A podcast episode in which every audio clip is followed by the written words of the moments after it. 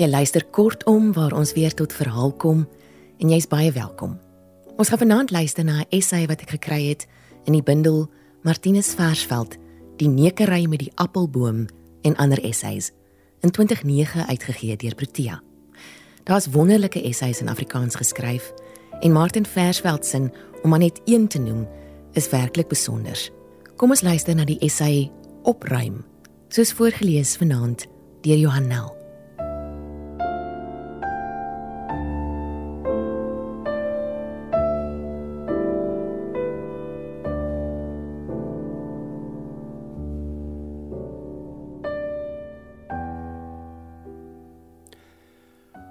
Vanoggend het ek opgeruim.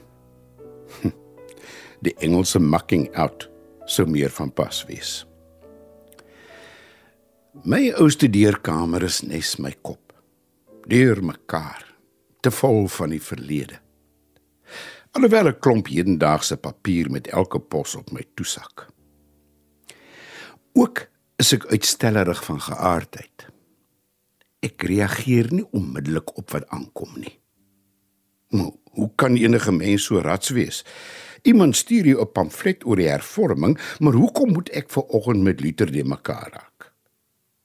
Hier is 'n klomp blink advertensies gestuur deur skurke wat hulself voordoen as mense wat jou welsyn op die hart dra. Dan is daar iets van 'n vriend wat jou eerlike opinie omtrent sy gedig vra. Wie is eerlik en verlore vriend? 'n Klomp geleerde goed hoop ook op. Maar wie is so 'n verkleur mannetjie dat hy in al hierdie verskillende wêrelde kan opgaan? Nuwe boeke?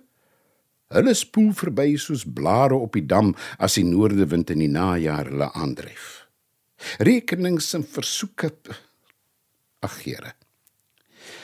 Nou ja, mak out. Trek die skeerpapier mandjie nader, druk papier roekeloos daarin en pas net op vir die duiwels wat klaar staan om in die skoonhuis in te trek. 'n Mens se gewone bewussyn is soos 'n rivier waarin allerlei goed verbyspoel. Kroonblare, vodde, piesangskille en die bewende weerkaatsings van die voëls en die wilgers. Dis jou eie verganklikheid. En 'n mens moet leer om afstand daarvan te doen en jou in iets daaronder te verdiep. Dit val my in dat ek ou kan toestap. Die dag sal kom wanneer ek alles moet los en uit die kamer van die wêreld moet stap. 'n Mens moet 'n paar dinge nou los, net vir die oefening. Om jou van dinge los te maak is 'n goeie ou raad. So nie loop hulle van self weg. En dit is wat seermaak. As jy ook die Bybel in die mandjie wegsmyt, is dit miskien 'n bewys dat jy sy innigste les geleer het. As jy by die hemelpoort aankom met die Bybel vas in albei hande geklem, sal jy miskien nie die klokkie kan lui nie. 'n Mens raak die nuwe lewe net met oop hande aan. Dit voel my ook in dat as jy die dood met oop hande ontvang, jy jou lewe oorhandig. Jy gee dit terug Dit is ons laaste erkenning van die vrygewige skepping. As die lewe van jou geskeur moet word, is daardie geskeurdheid waarmee ons gebore is, die laaste oordeel. Mense is van twee soorte: vatters en gewers. Die vatters vrek en die gewers sterwe. Ruim dus goed op en doen betyds afstand opgeruim is opgeruimd. Derhalwe bepeins ek dikwels tyd en dae en het ek 'n effense begrip van die Boeddha se leer omtrent anatta en anicca. Dit wil sê omtrent die sterflikheid van die gewone bewussyn en sy vervlietende wêreld. Ons kernprobleem is die probleem van die vattende ego, die eie ek wat van homself nie kan losraak nie, maar wat 'n onsterflikheid van eie omhelsing begeer. Maar hierdie leer is nie net boeddhisties nie. Dit is eweseer Christelik. Hierdie wêreld is geen blywende stad nie. En daarom gee ek deur al die jare dank aan Augustinus wat die Civitas Terrena, die vrekkende stad wat deur die vatters geskape is, so goed beskryf het. Elke katoliek ken die versoek aan Maria waarin die woorde flentes et gementes in hac lacrimarum vale voorkom. Weenend en steunend in hierdie tranedal. Toe ek jonger was, was ek met die woorde nie baie ernstig nie. Die volkies het gesing, daar was kos in die pot en die nooiens was mooi. Sedertdien het die skeikundiges vir die voëls en die goggas gesorg. En die kos is nie in die pot nie, maar in die blikkie saam met sy chemiese byvoegsel. En die nooiens Nou ja, net so kosmeties as die politici wat wanorde in die kosmos skep. Hierdie woordespel is so oud soos Plato, wat goed geweet het hoe 'n politikus sal kies tussen mooi lyk en mooi wees. Dis dit dat hy die sofistery as 'n kosmetiese skynkuns bestempel. Mense raak allergies vir die hele spul, ook vir jouself. Mense glo nie meer aan die erfsonde nie.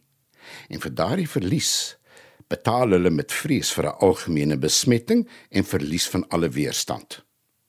Soos Nietzsche gesê het, die natuur haben wir hübsch verteufelt und verdummt. En tog, terwyl ek hier sit en skryf, ritsel 'n ligte suidoostewind in die wilde pisang. En daar is vlamme op die altaar van die hibiscus. Augustinus sou dit met blydskap raak gesien het omdat hy geen Sartre was om die natuur met slyk en gal te besmeer nie. Vir die Engelse baanbrekers van die industriële omwenteling is Sartre mos die enigste existentialis. Maar blydskap bly vir my die grootste probleem. Hierdie wêreld verkondig dit en prikkel ons begeerte daarvoor, maar versadig die begeerte nie. Miskien sal die stootskraper die hibiscus eendag verbrysel. En dan wil ek in die dimensie wees waar sy vlamme nog leef. Die hel ken ons mos almal. Die koerante beskryf dit smaaklik elke dag en ons vrede vir soetkoek op.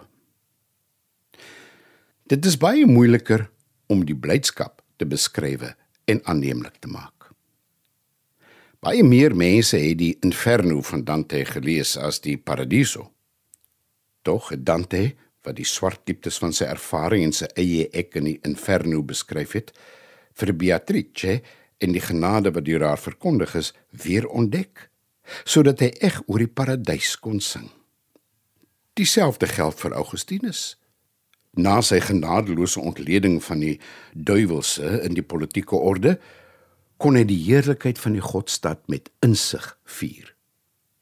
Ek sal my eie werk oor Augustinus kan klaarmaak wanneer ek in sy voetstappe kan trap en daardie blydskap nie net konseptueel nie, maar van harte aanvaar.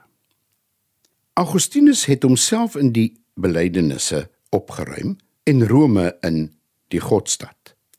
Ook was hy 'n gevoelige man wat die trane van alle geskape dinge aangevoel het. Sunt lacrimae rerum. Die Romeinse ryk was aan die verval en die barbare sou dit opruim. Sy verval was aan selfaanbidding te wyte. Die troon van Dea Roma is opgerig op die harte van haar vatters, harte so kliphard dat hulle uitmekaar gespring het van innerlike spanning. En as ek so om my sien, gewaar ek dieselfde simptome en mense tipes. Ontwikkelaars, uitbreiders, blink uitvoerendes, 'n sliert geldmanne en 'n landskap van ontmande plase. Ons latifundia. Ons voel dat daar iets onheilspellends in die lug sweef. Sommige wil dit ontduik deur 'n doringdraad van besittings om hulle te span en 'n dreigende en onneembare bankbalans op te bou. 'n Vaste burg is ons God, Mammon. Augustinus het hulle goed geken, maar hy het ook die geken in wie die woorde van Openbaring ingeslaan het. Wie, wie Babylon, want jou handelaars was die grootes van die aarde. Hulle het nie gewag totdat die barbare van binne en van buite die banke en paleise verbrand het nie. Die marinas van Baiai en Plettenberg Bay. Hulle het self die boelaag weggestoot. Die boelaag van konvensies en maskers. Die hele stroom van die verganklike siege in woestyn toe getrek. Hierdie dropouts het in hulle tienduisende na die woestyne van Persië, Arabië, Egipte en Palestina gestroom en onder hulle was ook die mees aangesiene mense wat hoë betrekkings bekleed het.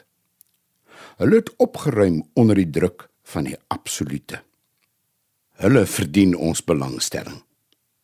Hanek en Lekkie, geskiedkundiges in die eeu van vooruitgang en evolusie, het hulle as vieslike verraaiers van die kultuur bestempel. Want hoe het hulle geleef?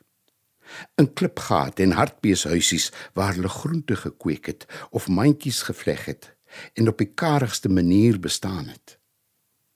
Vir die ontvanger van inkomste was hulle nutteloos en hy sou hulle nie goedgekeur het nie want waar sou hy geld kry vir die bewapening waardeur die vatters beskerm moes word en tog was hulle die manne van die toekoms hulle direkte aanraking met God en bodem weer ontdek. En die eenvoudige liefde en gasvryheid wat daarin wortel. En daaruit het 'n nuwe orde ontstaan. Maar ook met die dodelike kiem van die ego wat net deur die dood opgeruim kan word en waarmee ons land, see en menslike verhoudings met ongeëwenaarde vindingrykheid vergif.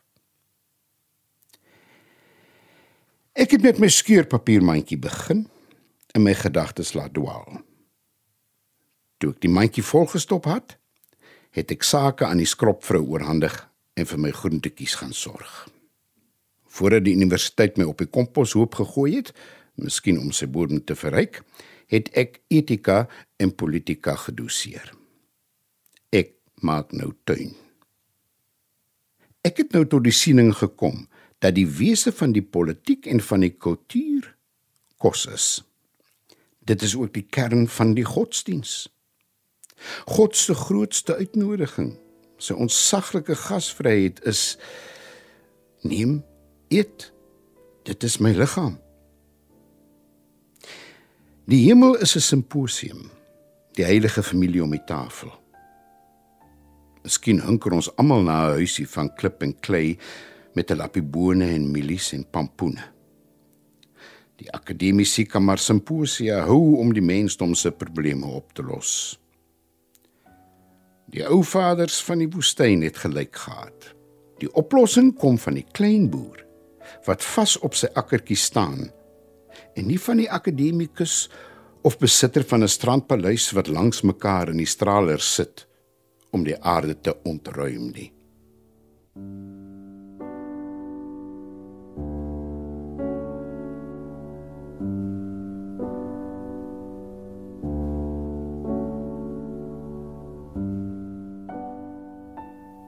Dit was die essay Opruim deur Martinus Versveld. Johan Nel het dit voorgeles. 'n mooi aand vir jou. Tot volgende keer.